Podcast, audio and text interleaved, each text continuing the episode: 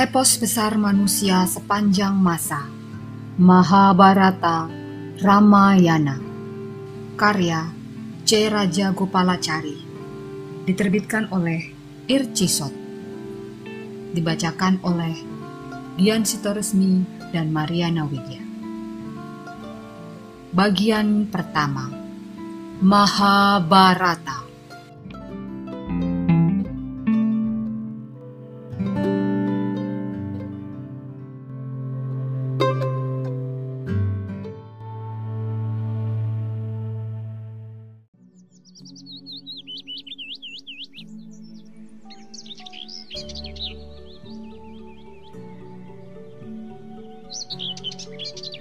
Bab 46 Pemenuhan Janji Kereta Arjuna berderap kencang seperti mengguncang bumi. Hati para Kurawa bergetar ketika mendengar desing Gandewa. Kita harus menggelar pasukan dengan rapi dan hati-hati. Arjuna datang menyerbu kita, kata Durna dengan rasa cemas. Duryodhana kesal melihat sikap Durna yang seperti itu. Katanya kepada Karna, Pandawa bersumpah akan menjalani masa pengasingan di hutan selama 12 tahun dan pada tahun ke-13 akan hidup tanpa dikenali. Tahun ke-13 belum selesai, Arjuna sudah berani menampakkan diri. Mengapa kita meski takut? Mereka harus kembali ke hutan selama 12 tahun lagi. Durna terlalu banyak belajar falsafah hingga jadi takut. Biarlah ia sembunyi di belakang, kita maju terus. Karena setuju dan berkata, pasukan kita menjadi ciut nyali, mereka gemetar ketakutan. Kata mereka, orang yang berdiri dengan gagah di atas kereta kuda, dengan busur di tangan dan menyerbu ke arah kita, adalah Arjuna. Mengapa kita harus takut? Para suramap sekalipun, aku tidak akan gentar.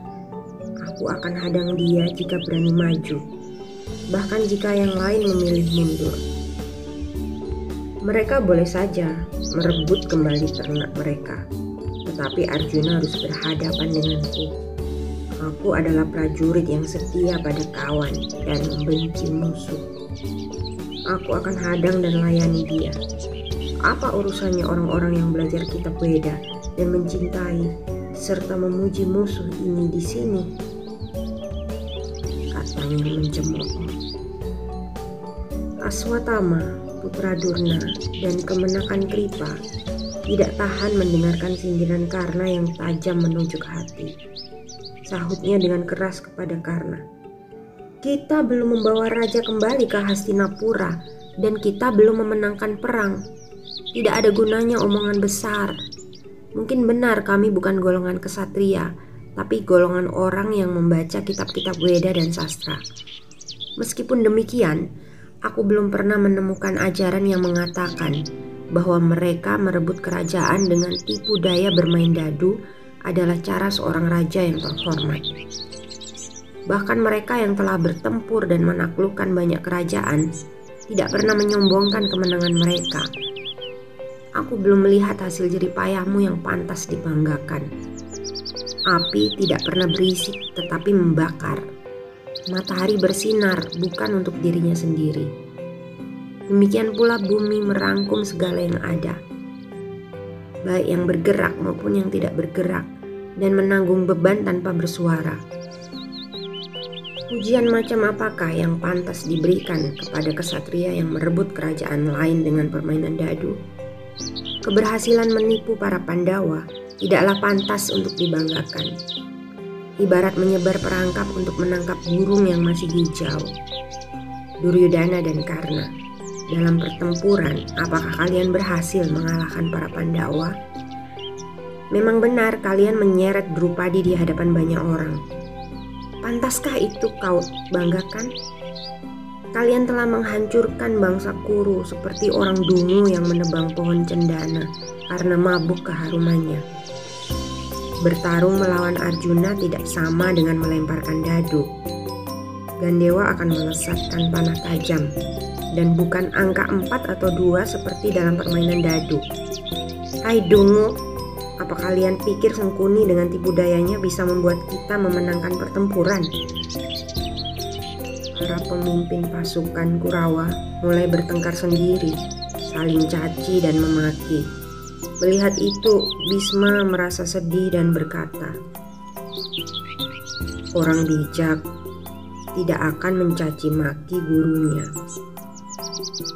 Ketika berperang, orang harus memperhitungkan secara matang waktu, tempat, dan situasi yang ada. Orang yang bijak sekalipun sering kali kehilangan kendali dan akal sehat ketika menghadapi masalah mereka sendiri karena amarah. Duryudana yang biasanya penuh perhitungan luput memperhatikan bahwa musuh yang menghadang pasukan kita adalah Arjuna. Pikirannya gelap terselubung kabut amarah. Kaswatama jangan dengarkan kata-kata karena yang tajam itu. Engkau harus memahaminya sekadar sebagai cara melecut semangat para mahaguru untuk segera bertindak. Sekarang bukan waktunya untuk bertengkar atau membesar-besarkan perbedaan. Durna, Kripa, dan Aswastama harus memaafkan karena Kurawa tidak akan bisa menemukan mahaguru yang hebat seperti Durna, Kripa, dan Aswatama. Mereka adalah orang-orang sakti yang menggabungkan pengetahuan kitab Weda dan kewiraan kesatria.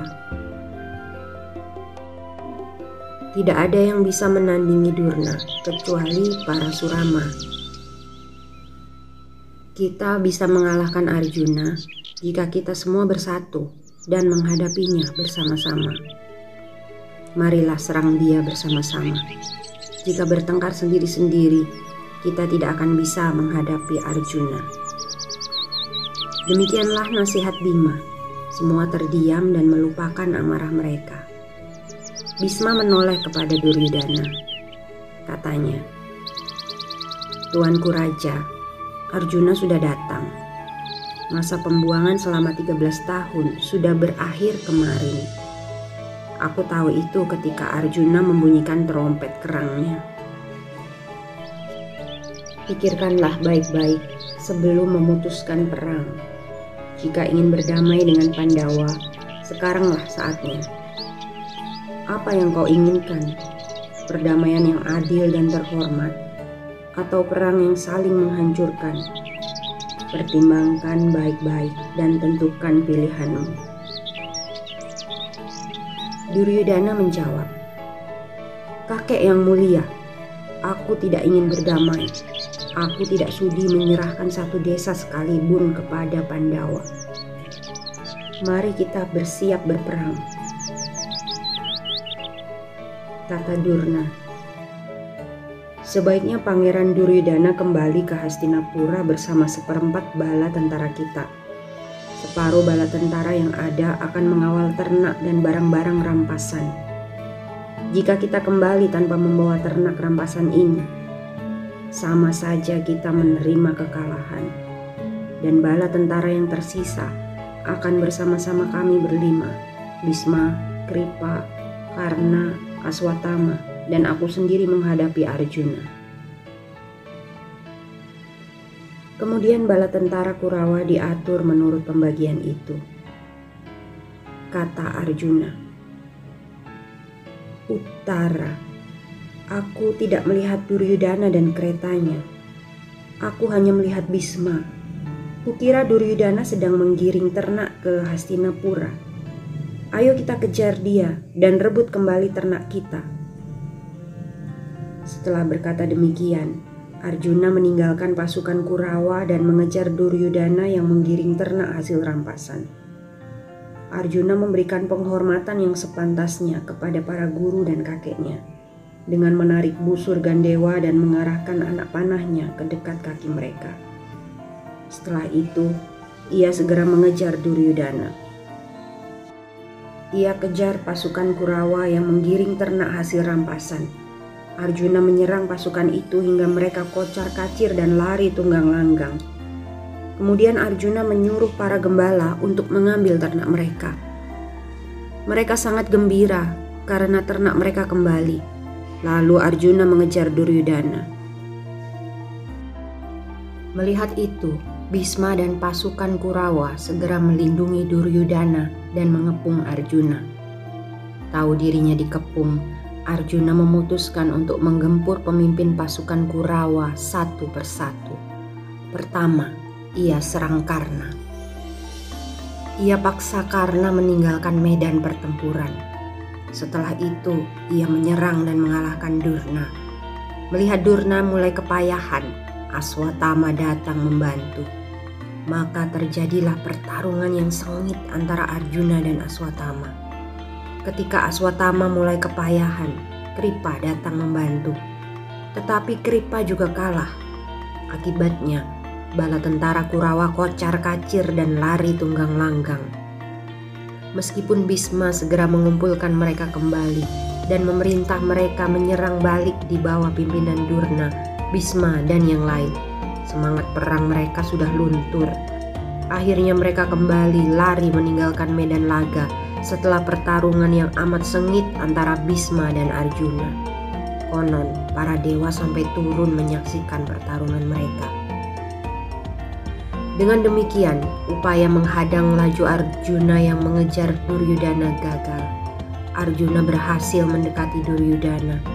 Ia serang Duryudana habis-habisan Duryudana terpaksa lari meninggalkan gelanggang. Tetapi ia lari tidak jauh setelah diejek pengecut oleh Arjuna. Ia segera kembali dan balik menyerang seperti ular. Bisma dan yang lain segera melindungi Duryudana. Arjuna terus menyerang dan akhirnya ia menggunakan senjata pembius.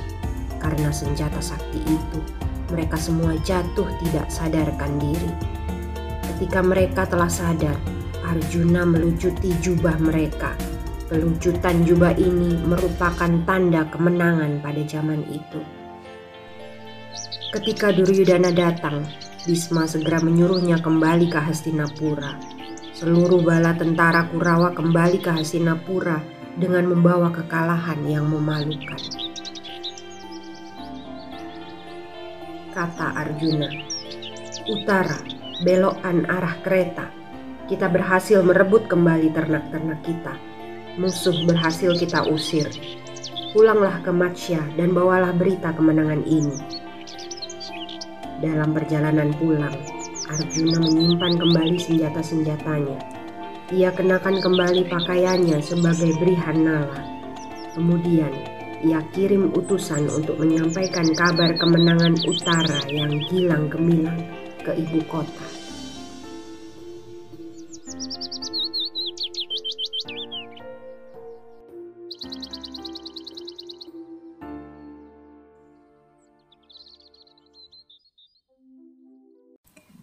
Dengarkan kisah selanjutnya di episode berikutnya.